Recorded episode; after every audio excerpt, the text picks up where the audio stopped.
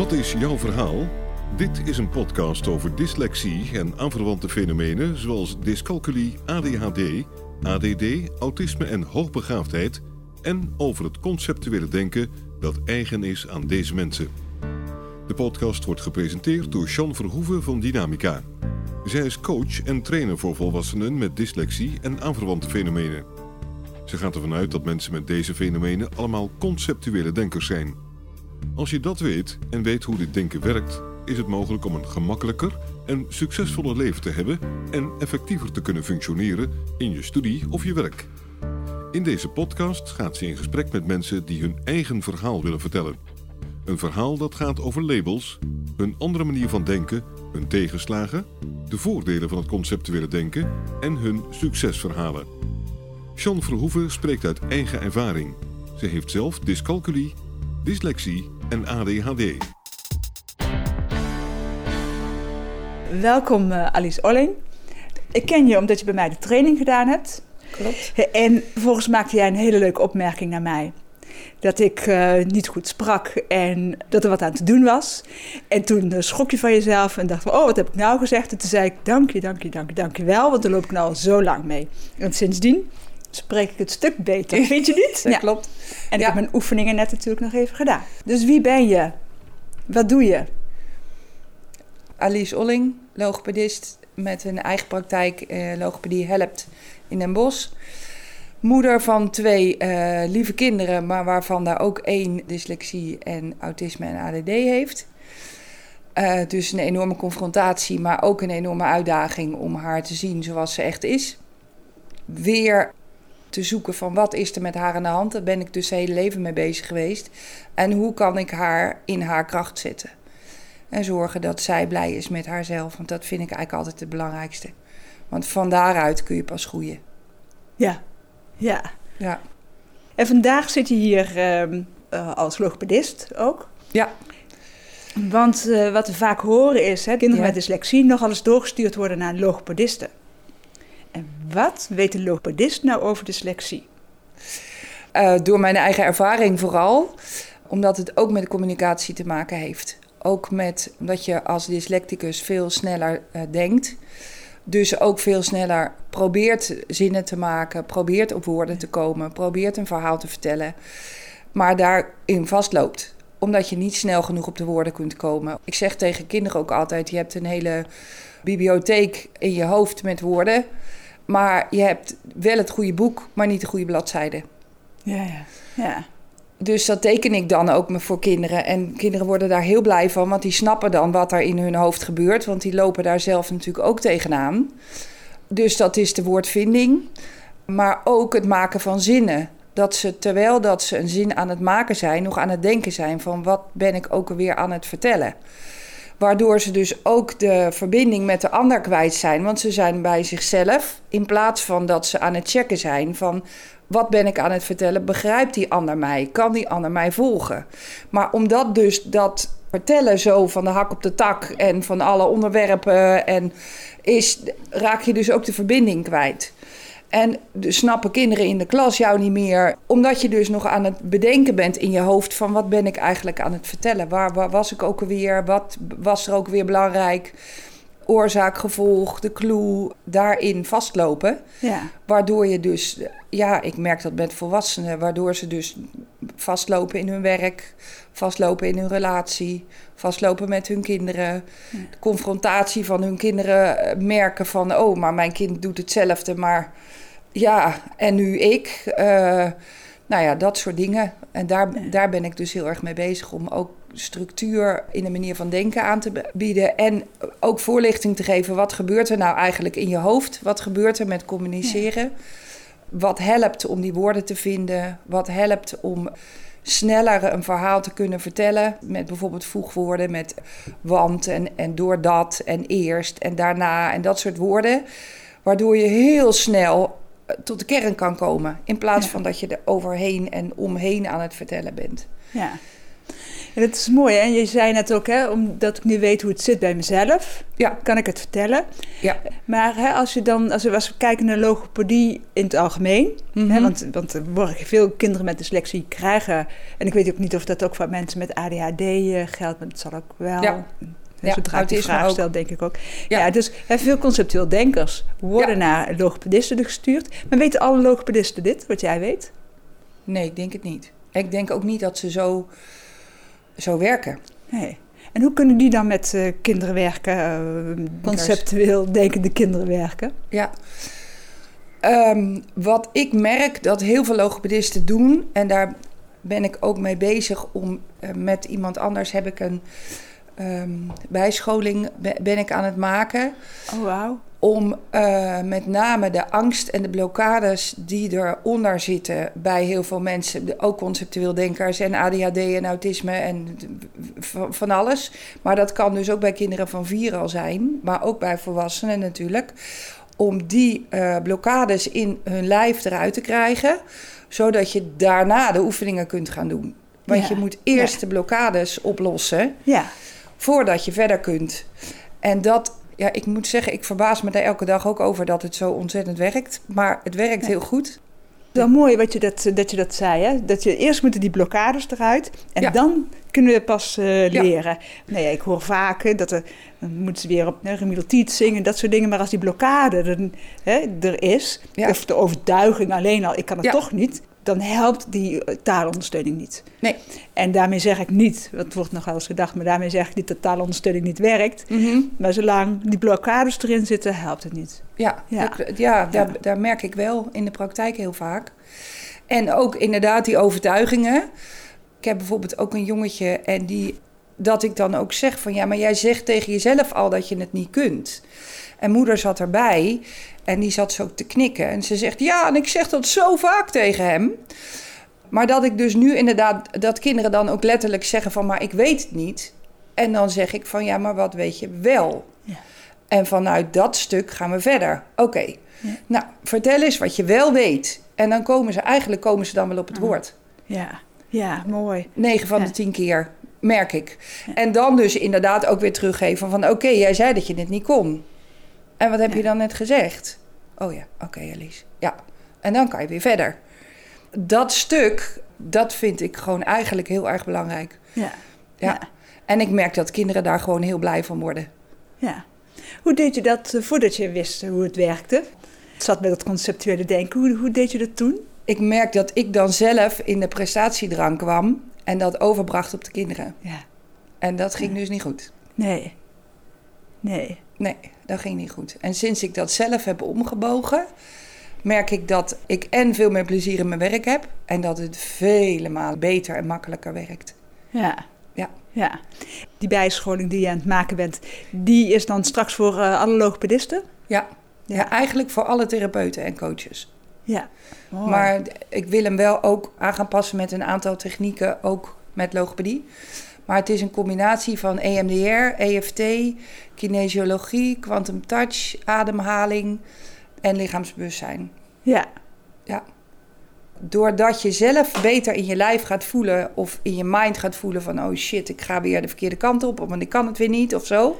Als je dat gaat voelen en gaat merken, dat je dan ook jezelf kan resetten. Omdat Ja. ik daar dan ook eh, technieken voor geef, zodat je dat zelf kan doen. Ja. Ik heb bijvoorbeeld een man met stemproblemen en die, ik denk dat eigenlijk het psychologische stuk het grootste is. En die, die werkt nu dus online, ja, zoals ongelooflijk veel mensen. Maar dan is het een techniek die je met je, met je handen, met je duimen kan doen. Dus die kan die doen terwijl dat hij online zit. En dat kan hij dus, ja, als hij op kantoor zit kan dat niet. Maar Ja. als hij dus, dus Ah. dan kan hij dat dus wel doen. Dus Ja. dat, ja, dat is wel, wel heel bijzonder. En dat hij dus ook steeds meer lichaamsbewustzijn zelf heeft. En het zelf merkt en het zelf voelt. Want dat is natuurlijk ook een proces waar ik dan ook in begeleid. Zodat hij het zelf eh, kan gaan toepassen. Ja. Ja, dat is wel echt heel bijzonder, ja. ja. Ja. Hoe komen mensen bij jou? Op eigen initiatief steeds meer. Door verwijzingen door KNO-arts, neuroloog, huisarts, consultatiebureauartsen, jeugdarts, leerkrachten, peuterspeelzaalleidsters. Ja, ja. Dus je hebt, eh, ja. Vanuit allerlei invalshoeken komen mensen bij jou. Ja. ja, of bij logopedie. Ja. Ja. maar dat is wel ook, dat heb ik ook wel door die vier dagen hier geleerd. Heel veel logopedisten specialiseren zich, maar dat is voor mij veel te saai. Sommigen die willen alleen maar kinderen. En dan denk ik, nee, ik wil niet alleen maar kinderen. En ik merk wel ook, net als fysiotherapeuten zijn bijna allemaal gespecialiseerd. Maar juist, er zit zo'n ongelofelijke overlap tussen alle vakgebieden. Als ik bijvoorbeeld een stempatiënt krijg en die loopt vast met, met stem. En wat is een stempatiënt? Een stempatiënt is iemand die heel erg moe wordt als die heel lang praat. Eh, niet meer goed verstaanbaar is voor anderen. Die last van zijn keel krijgt, die last krijgt met slikken. Er kwam een eh, vrouw bij mij met stembandpolypen. Dus die stembanden waren echt organisch al aangetast. Die zouden eigenlijk geopereerd moeten worden, maar dan komt ze dus eerst bij mij. Die zat te vertellen, ja, en ik, ik, dan praat ik met mijn zoon en dan praat ik met mijn man. En die luisteren niet en die begrijpen er niks van. En toen zei ik van ja, maar doordat je met hun gaat praten en zij luisteren niet naar jou en ze begrijpen jou niet, komt daar ook heel veel spanning in die stem en in je lijf. En alle emoties zitten in je stem. Dus heel Ja. veel druk komt in je keel, bij je stembanden. Je ademhaling gaat omhoog, want je wordt onrustiger in je lijf. Maar dat heeft ook ermee te maken omdat jij niet gehoord wordt. Waar word jij wel gehoord en door wie word jij gehoord? Ja, mijn, mijn vriendinnen, maar mijn vriendin die werkt ergens anders. Ik zeg, ga die vriendin dan eens wat vaker opzoeken dan. En ga gewoon met haar weer blokje omlopen, weet ik veel. Verzin iets, maar zorg dat jij gehoord wordt. Waar dan ook, kan me niet schelen. Nou, dat doet ze dus. En blokkades uit haar lijf gehaald. En de polypen waren weg. Ja, wauw. Ja. Maar dat is dus wel ook de ervaring. Maar ook het juist het breed zien van het vak. Weet je, de meeste logopedisten die gaan dan alleen maar ademhalingsoefeningen doen. Kan ook. Maar de, ik vind juist de combinatie van de ervaring en van communiceren en van praten en van taal en van slikken, om dat allemaal samen te doen, dat, ja, ik merk dat, ja, dat ik dat alleen maar gaver vind. Dus je pakt het eigenlijk ook hè, in totaal eh Ja, plaatje absoluut. aan. Ja, Ja, absoluut. En dat je dus met eh, het verminderen van stress, dus dingen kan helen, hè, dingen kan genezen. Ja. zelfs zoiets als polypen. Ja, mooi. Nog even terug naar eh, de logopedie op zich. Hoeveel leer je over dyslexie, ADHD binnen de opleiding? Ja, niet zo bar veel. Toen mijn dochter bijvoorbeeld gediagnosticeerd werd met autisme. Het Landelijk Instituut voor Autisme is het Leo Kannerhuis. Daar weten ze heel veel van. En daar zeggen ze bijvoorbeeld dat 80 tot 90 procent van de mensen met autisme ook taalproblemen hebben. Ja. Ik geloof niet dat iemand dat verder weet hoor. Nee, nee, nee, echt nee. niet. Nee, het verbaast me niet. Maar dat het zo uitgesproken gezegd wordt, heb ik Ja. nog nooit gehoord. Ja. Ja, een, een expert binnen het Leo Kannerhuis, die hebben ook op filmpjes op hun site. En daar wordt dat gewoon gezegd. Ja. En ja, ik herken het ook heel erg bij mijn dochter. Maar ik schrok me wel wild toen ik bij de psychiater kwam. En dat die dus zei van, maar heeft ze geen taalstoornis? Toen dacht ik, jeetje, hoe kan ik dat nou als logopedist gemist hebben, zeg maar, weet je wel? Maar ik merkte wel dat de manier hoe hij met haar communiceerde... dat ik dat ook altijd met haar gedaan heb. Ja, ja. En dus super aangepast, want anders kwam er gewoon niks uit. Anders dan, dan kon ze niet uiten wat er aan de hand was. Dat heb ik eigenlijk altijd gedaan. ja Heel indirect, heel rustig. Heel erg checken van ik heb het idee dat, klopt dat? Ja, anders werkt het niet. Ja. Want als je aan haar vroeg hoe was je dag? Geen kwam echt niks uit. Nee. Echt Nee. gewoon helemaal niks. Nee. En hoe deed je dan dan wel? Wat zeg je dan wel? Nou, eh, was ze nog een kindje jarig? Hebben jullie gym gehad? En dan dus dat checken. Oké, en wie was er dan jarig? En wat voor cadeautje heb je gehad? Heb je nog wat lekkers gehad? Ja, heb je nog buiten gespeeld? Maar dan dus ook elke keer weer doorvragen van... oké, heb je in de zandbak gezeten?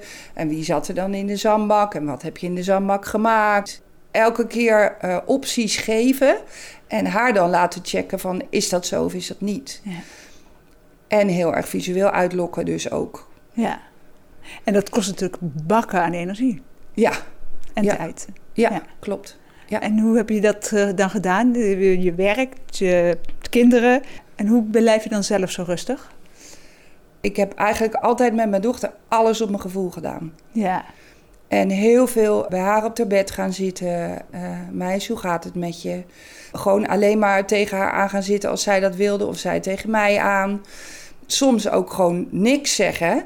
Ja. En alleen maar voelen van, oké, weet je, je mag bij mij gewoon jezelf zijn. Wat dat dan ook mag zijn. Ja. Dan komt het vanzelf wel. Ja. ja. En hoe doe je dat dan met, uh, als je kinderen of mensen krijgt met autisme in je praktijk, waar je maar een half uur hebt? Hoe doe je dat dan? Uh, jongetje die kwam van de zomer bij mij. Die kwam eigenlijk vanwege de tandarts, omdat hij niet goed slikte. En die zag ik en toen zei ik tegen, meteen tegen moeder: Ik zeg, hier is veel meer aan de hand. Normaal doe ik dat niet zo heel snel, maar ik had hier echt zoiets. Ik zeg, ik denk dat dat slikken eigenlijk in verhouding het minste probleem is van alles. Oké, en, maar ja, dat was midden in de zomervakantie. En na de zomervakantie kwam ze terug. En toen zei ik van, ik wil dat hij op allergie wordt getest. Want dat open mondgedrag was echt enorm. En dat zag ik ook gewoon. Ik zie dat dan ook aan de manier van ademen en de, het gebit en, de, en de, de kaak. En nou ja dat, ja, dat is ook ervaring. En ik wil hem op autisme laten onderzoeken. En toen kwam ze de volgende week terug. Ze zegt: Ik heb het er met mijn man over gehad. En mijn broer is autistisch. Maar die, is, die functioneert heel laag. Dus hij. Eh, ik zeg: Nee, hij, haar zoontje, die dus kwam, die is super slim. Ja. Absoluut. Maar ik verwacht wel dat hij autistisch is. Oh, oké. Hij was gigantisch allergisch. Dus dat is de hoofdstuk 1. En hoofdstuk 2 is dat hij nu dus op autisme wordt onderzocht. En zij steeds meer, en haar man ook steeds meer van ja, we herkennen zo verschrikkelijk veel. Ik ben dus met hem met emoties bezig. Plaatjes van situaties. Kindje die is aan het spelen en het, het speelgoed wordt afgepakt. Bijvoorbeeld, oké, wat doe je dan? Ja, dan ga ik gewoon met een ander speelgoed spelen. Ik zeg, ja, maar dat is toch niet leuk dat het wordt afgepakt? Pak ik twee emoties, bijvoorbeeld boos en, en verdrietig. En hoe zou jij je dan voelen als jij dat jongetje was die, van wie het wordt afgepakt? Dan ben ik bang. Oké. Ja. ja. maar dat is de emotie. Ik zeg, maar wat is dan een emotie? Ja, dat is toch de emotie, dat zie je toch? Dat, dat kind kijkt toch zo? Hij weet dat het een emotie is. Hij ziet het emotie, want hij ziet het, het van het plaatje dat een kind een emotie heeft. Maar wat dan de emotie is, geen idee. Dat als je daar dan in probeert door te vragen, ja, dat, dat kan die niet. Ja. Godzijdank is moeder erbij. En godzijdank pakt moeder het dus goed op. En die bespreekt dan inderdaad de emoties met hem thuis. Ja, dat is fantastisch dat ze dat kan en doet. Dus je zet eigenlijk al je, ook al je kwaliteit in. Het horen, zien, ruiken, proeven, voelen. Ja, absoluut. ervaring, absoluut. je het. Ja, ja absoluut, ja. absoluut. Ja, sowieso alles intuigen. Ja, en proberen te prikken, maar niet te veel, want dan ben je hem weer kwijt. Dus dat is. Ja. Hoe belangrijk is het dat uh, ouders uh, dus ook meewerken? Enorm. Hoe vaak merk je dat ouders met hun eigen onverwerkte autisme, ADHD, dyslexie zitten? Heel vaak. En hoeveel invloed heeft dat? Enorm. Ja. Ja, ja. Het, het vertrouwen wat een kind krijgt van een ouder is ook een basis om te kunnen leren. Ja. ja. Dus als een ouder geen vertrouwen heeft, dan leert een kind ook niet. In zijn eigen leren. Ja, in zijn eigen ja, leren. Het gaat nog niet over vertrouwen in het kind, maar over vertrouwen in zijn eigen leren. Ja. Dan kan het kind ook niet leren. Ja. ja. Kan je daar wat mee in je praktijk met die ouders? Ik heb dus een aantal kinderen, echt heel erg moeilijke kinderen die uh, in de coronatijd ook, nou, die mij ook belden van... Lies, ik vlieg tegen het plafond. Ik zeg, oké, weet ik. We gaan gewoon per week kijken van... Wat, waar loop je tegenaan? Maak een filmpje, stuur het op. En dan ga ik samen met jou kijken... wat kan er aan de hand zijn in dit geval met dit kind. Dus ook weer heel breed van oké, weet je, uh, slaapt hij goed, uh, weet ik veel.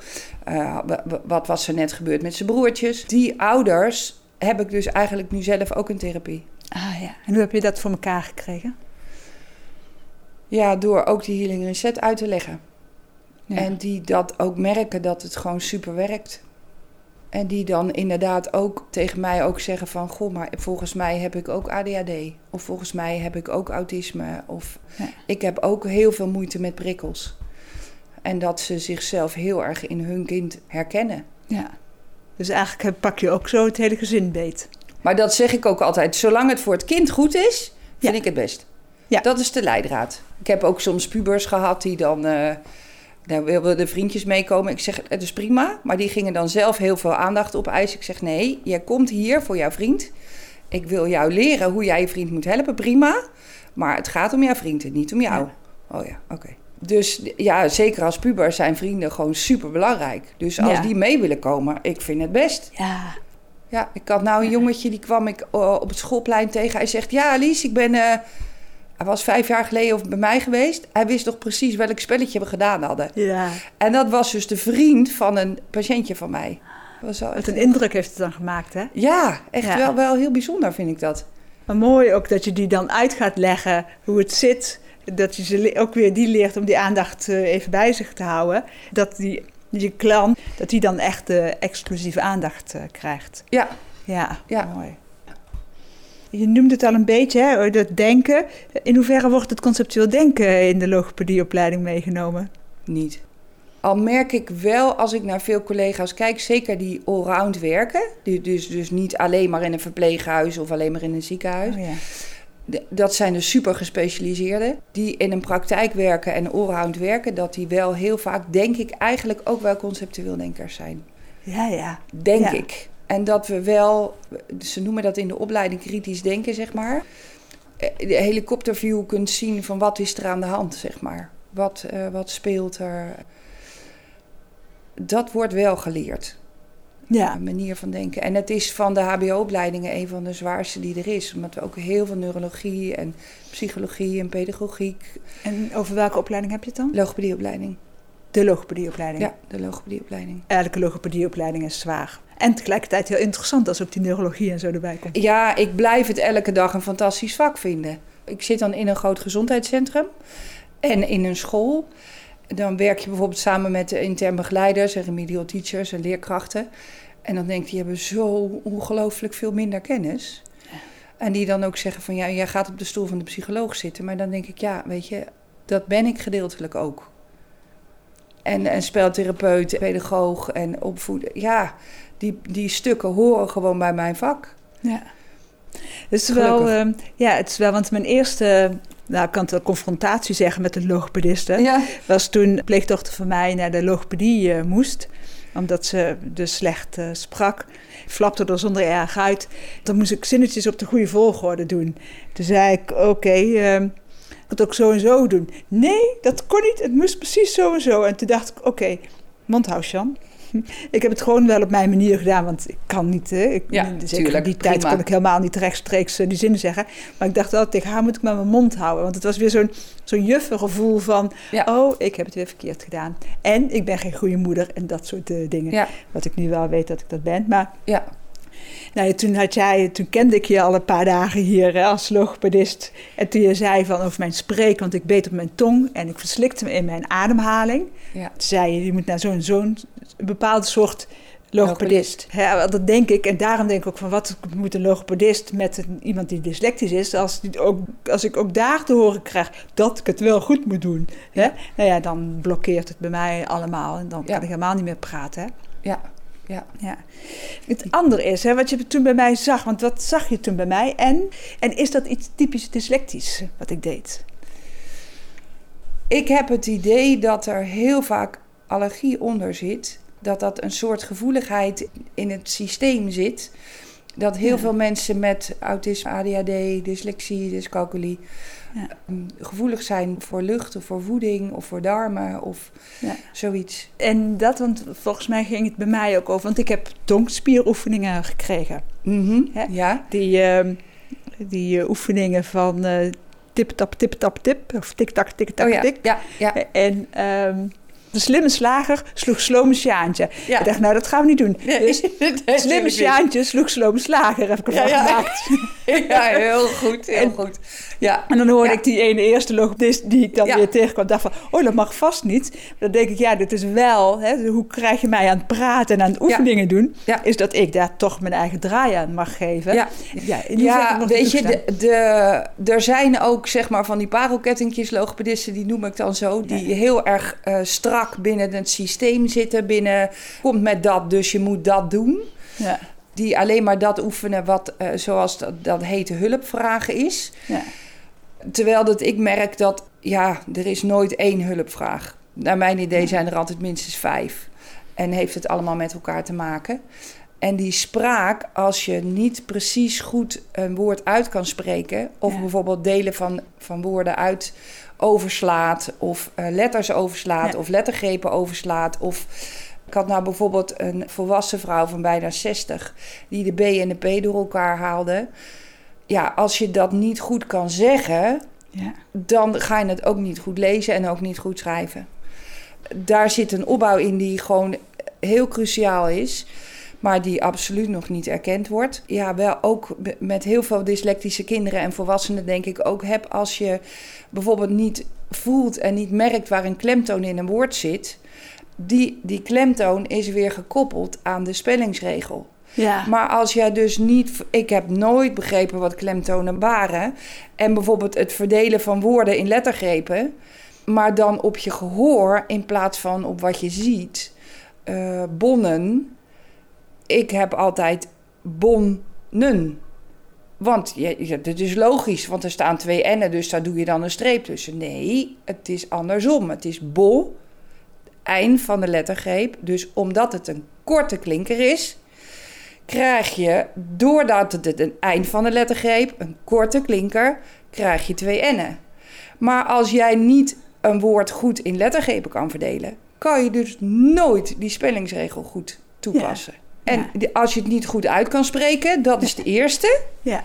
En kan je het goed horen. Ja. Want als je allergisch bent en je oren zitten heel vaak dicht, kun je het dus ook niet goed horen. Ja. Ja. Dus het heeft, ja, wat dat er gaat, heeft, heeft dyslexie gewoon heel erg veel met logopedie te maken. Ja, en het is ook wel, want eh, die comma's, eh, tel ik wel eens tegen een klant, hè, die, die comma is op een ademhaling. Ik zeg maar, als je niet weet dat je adem moet halen. en ik Ja. ging altijd wat door en maakte hele Ja. lange zinnen en ik praat maar. Ja. Ik haalde geen adem. Ja, En, en dat heb ik inderdaad bij de logopedie. eh, Ik wist het wel al ondertussen, maar daar heb ik het echt geleerd. En vervolgens heb ik ook nog leren zingen bij Henk eh, Oh. Kooi.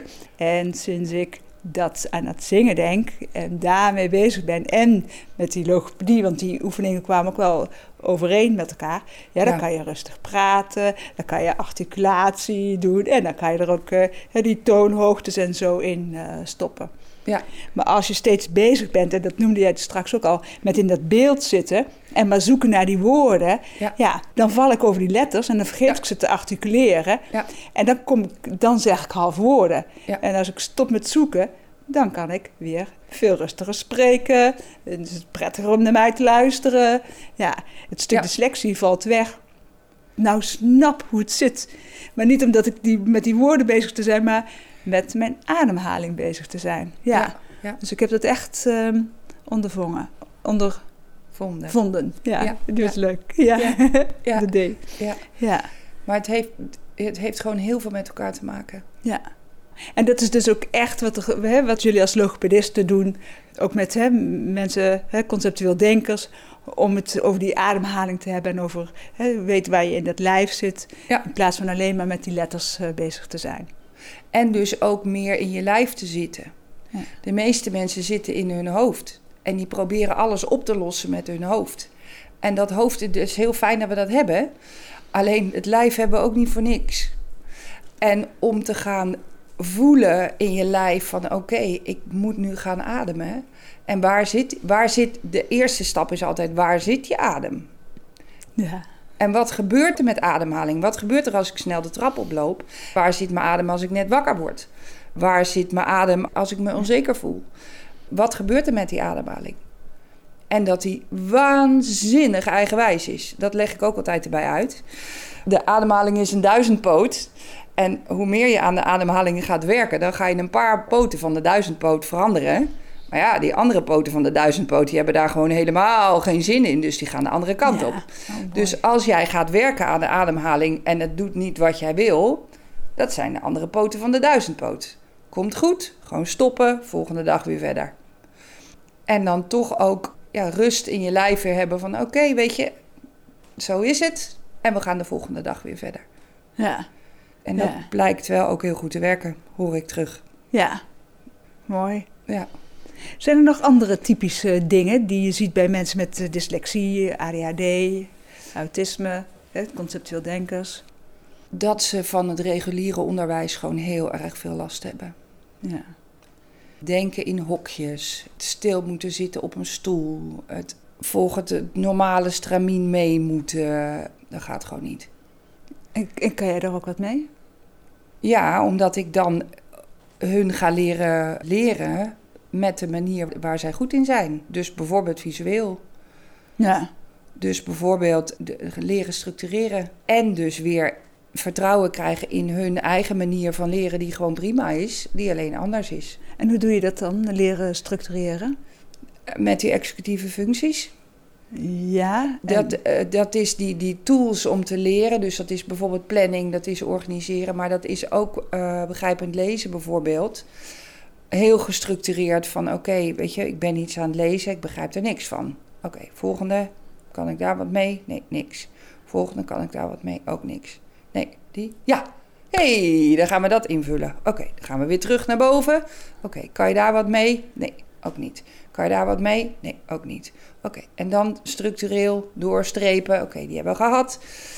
Dat ze zicht krijgen in hoe, hoe kan ik dat nou in godsnaam aanbieden. Dat ze ook beginnen met wat ze wel, wat ze wel weten, wat Ja. er wel is. Ja, Ja. wat er wel is, wat ze Ja. wel kunnen. Ja.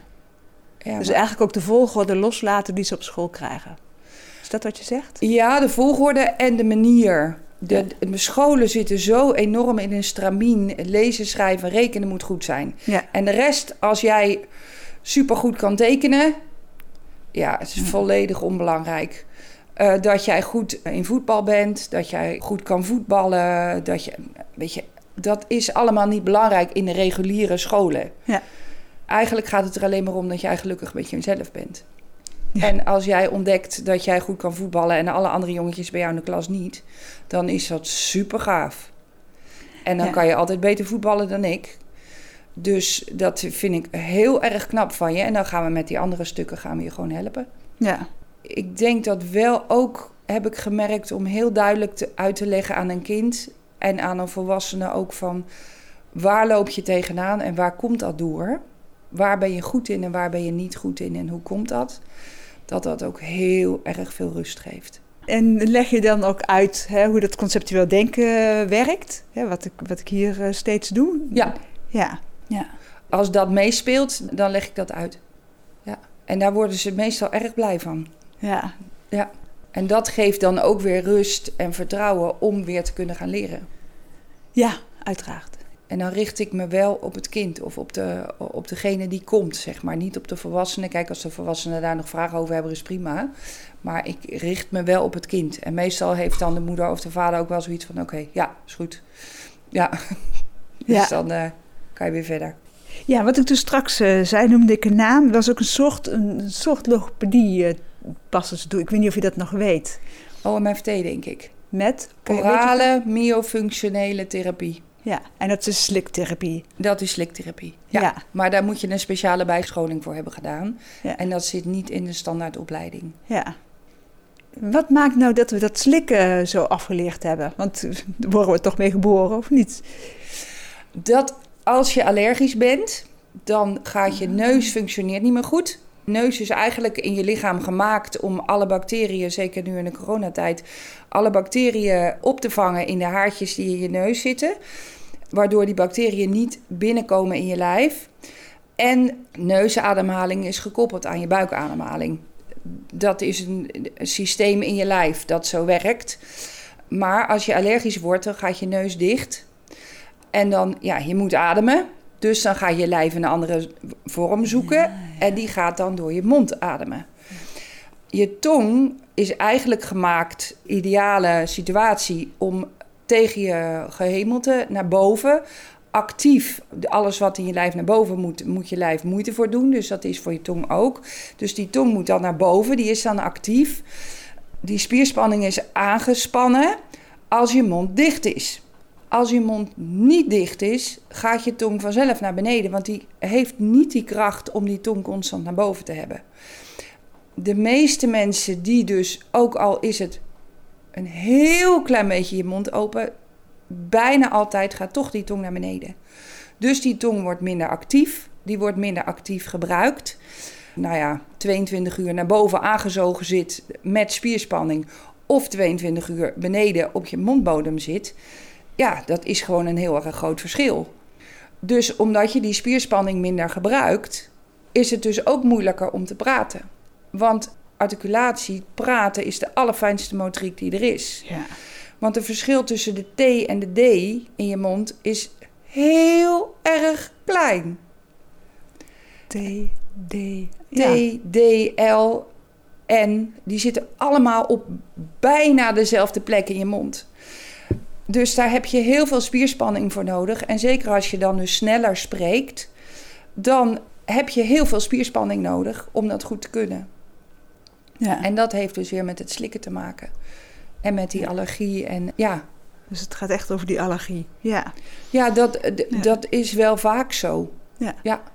Maar het kan bijvoorbeeld ook zijn, dat is weer een hele andere invalshoek van, vanuit de OMFT. De OMFT is een therapie die door twee mannen uit Amerika is gehaald. eh, In, in Nederland op de kaart is gezet. Implantoloog en tandarts en een logopedist.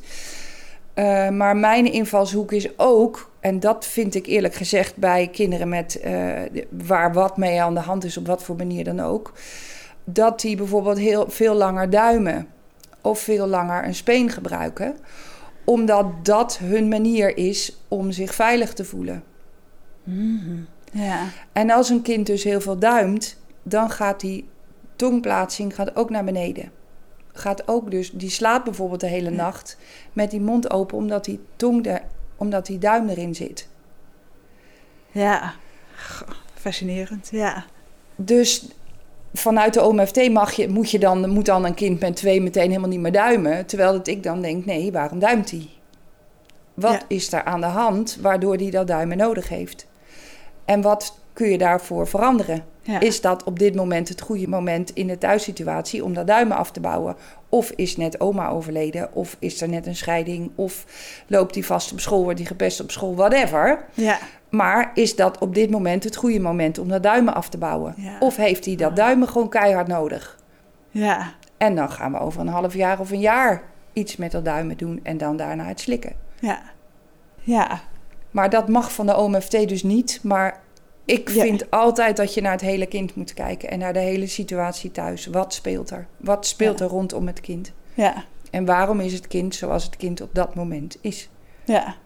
Ja, en wat ik toen ook bij de logopedie had eh, gehad, waren ook al een aantal oefeningen. hè. Het, de zorgen dat je stem verdraagt. En nu daar denken in plaats van hier denken. Ja. En ook hoe ik staan. En inderdaad die buikademhaling en het voelen dat je buik ademhaalt. En ja, dat is, het waren inderdaad wel heel veel leuke oefeningen. In plaats van hè, wat ik met logopedie bedenk, moet ik weer wat met taal.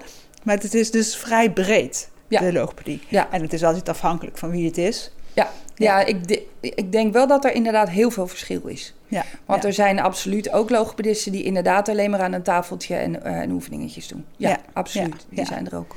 Ja, dus bij dit eh, geldt ook weer als je op zoek gaat naar een logopedist.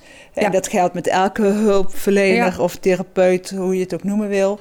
Is dat je belt met ze en kijkt. Voelt het goed? Voelt het goed? Ja. Ja. Voelt het goed voor mijn kind? Gaat mijn kind er graag naartoe? Ja. Eh, Ga ik er graag naartoe? En um, anders maar eens te bedenken dat je naar een andere logopedist gaat Ja, en dat je daar recht op hebt. Ja, absoluut. Ja. Iedereen mag zelf kiezen. Ja. Je mag ook zonder verwijzing naar een logopedist toe. Je hoeft geen verwijzing te hebben.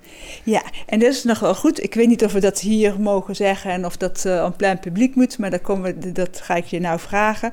Ehm, mijn logopedist zei, als je de, de reden dyslexie is en ik zet dyslexie op de rekening, wordt het niet vergoed. Ja, Als ik klopt. dyslexie weglaat, wordt het wel vergoed. Ja, Ja, dus en vind ik eigenlijk dat iedereen dat moet weten. Dus Ja. als je naar de logopedist gaat, zorg dat er geen dyslexie op je rekening komt te Ja. staan. Want dat is eigenlijk weer een straf. Hè? Ja. Ben je potverdorie dyslectisch? Ja.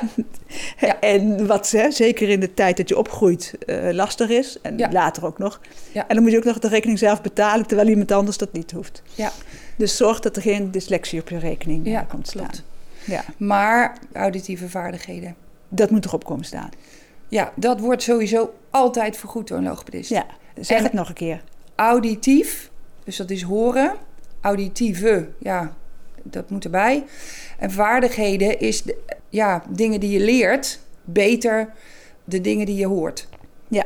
En mocht dit te moeilijk zijn, Ja, dan zeg je gewoon tegen de, tegen de logopedist... adem. zorg dat ik die rekening vergoed krijg. Ja, Ja. ja. want die weten het allemaal. adem is ook goed. Ja, Adem of Ja. stem, dat wordt, dat wordt, voor kinderen wordt het sowieso vergoed. Voor kinderen tot 18 jaar wordt, wordt logopedie vergoed.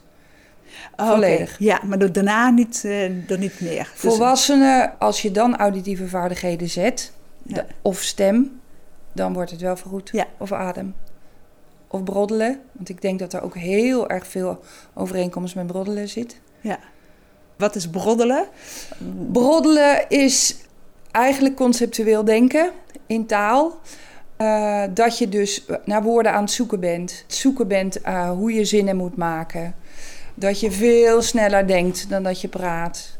Ja. Dat je delen van woorden inslikt. Dat. Eigenlijk niet de tijd neemt eh, om te spreken. Om Ja. elke letter, hè, want de letters zijn allemaal van die details. Om Ja. elke detail, elke letter uit te spreken. Ja. En wat je al zei, articuleren kost heel veel energie. Ja, Vanwege de kleine zenuwen, wat ik ooit geleerd heb. ja, Ja. klopt. Kleine zenuwen, kleine spieren. Ja, Ja. kost heel veel energie. Dus het is niet zo gek dat we dat, hè, als we broddelen of te snel spreken, niet goed uitspreken. Het kost heel veel energie. Plus ons hoofd is alweer mijlen ver weg. Ja, ja, die. Die, je hoofd is veel verder dan dat jij bent met praten. Ja. Ja. Ben ik eh, nog iets vergeten te vragen? Het boek Positive Dyslexia van Roderick Nicholson is vertaald in het Nederlands. Volgens mij heet het 360 graden dyslexie of dyslexie 360 graden, een van de twee. En daar staat als omschrijving van dyslexie een heel erg groot kenmerk is die auditieve vaardigheden. En Ja. dat wordt volledig vergoed door een logopedist. Ja, de auditieve vaardigheden zijn. Dat is heel erg precies luisteren. Dat is bijvoorbeeld hakken en plakken. Dat zijn nog wel van die heerlijke termen van vroeger waar we allemaal niet blij van werden als dyslecticus. Het precieze verschil horen tussen de B en een P. Want dat is ook weer horen.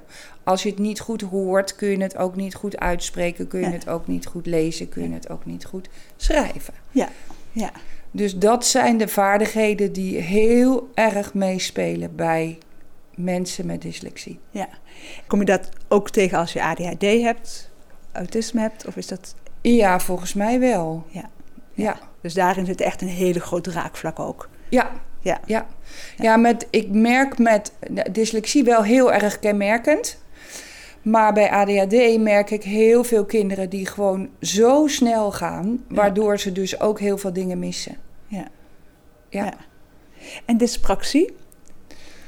Dyspraxie ook, maar de dyspraxie is echt de, de motorische stuk. Ja. Omdat dus eh, spraak de allerfijnste motoriek is, is dyspraxie zit heel vaak in de andere motoriek ook al problemen. Dus Ja. in de golvenmotoriek, dus in het rennen bijvoorbeeld, dat je heel vaak struikelt. Maar in de, de fijnere motoriek, het strikken van je veters, het Handschrift. knippen, handschrift. Als daar dus ook al iets mis zit, dan is het heel vaak ook in de spraak. Ja, dus er is echt ook een overlappende, vanuit Ja, dit een overlappende component in alle conceptueel denkers. Ja. Bij alle conceptueel denkers. Ja. Ja. Heb je nog tips? Ik denk dat het heel verstandig is voor andere dyslectische mensen om bij logopedist langs te gaan. Maar dan wel te kijken of het inderdaad iemand is die niet die alleen maar stil zit aan een tafel, maar die gewoon wat meer ervaring heeft. Ja. Sowieso al. En grote praktijken kan, maar ik zou meer kiezen voor eh, goed kijken op de website. Hoe werkt iemand? ja. Wat voor ervaring heeft iemand? En hoe, hoe, En hoe komt voelt iemand, iemand? over? Hoe komt iemand over? ja. En nogmaals, dat kan per persoon hè, verschillen. Ja, Want ik kan iemand leuk vinden en eh, iemand Ja. anders kan die weer vreselijk eh, vinden. Ja. Eh, zeg dat je mee wil denken. Ja. Zeg dat je het nodig hebt om mee te denken en dat je vragen wil stellen en dat je antwoord krijgt op die vragen. En ja, dat heb je nodig om ook vertrouwen op te bouwen en om van je blokkades af te komen. Want als jij alleen maar krijgt van je moet dit doen, dan worden de blokkades alleen maar erger, denk ik. Ja, ja, ja, in ieder geval bij mij wel. Ja, nee, maar ik denk dat dat voor heel... Ja. Weet je, we, we, we hebben over het algemeen als dyslecticus de, het, het regelrecht volgen van... De, eh, ik zeg dit en jij moet dat doen. Daar, ik denk dat weinig dyslectici daar heel erg gelukkig van worden. Nee, ja. En niet omdat we nou zo erg wijs zijn of iets markeren, maar gewoon omdat het zo vaak niet geholpen heeft. Ja, daarom. Ja. Dus daarom, eh, ja, zeg van tevoren... Ik heb, ik heb dyslexie en ik wil dat je meedenkt. Ja. Ik wil meedenken. Ja. Ik wil uitleg. Waarom wil je dit doen?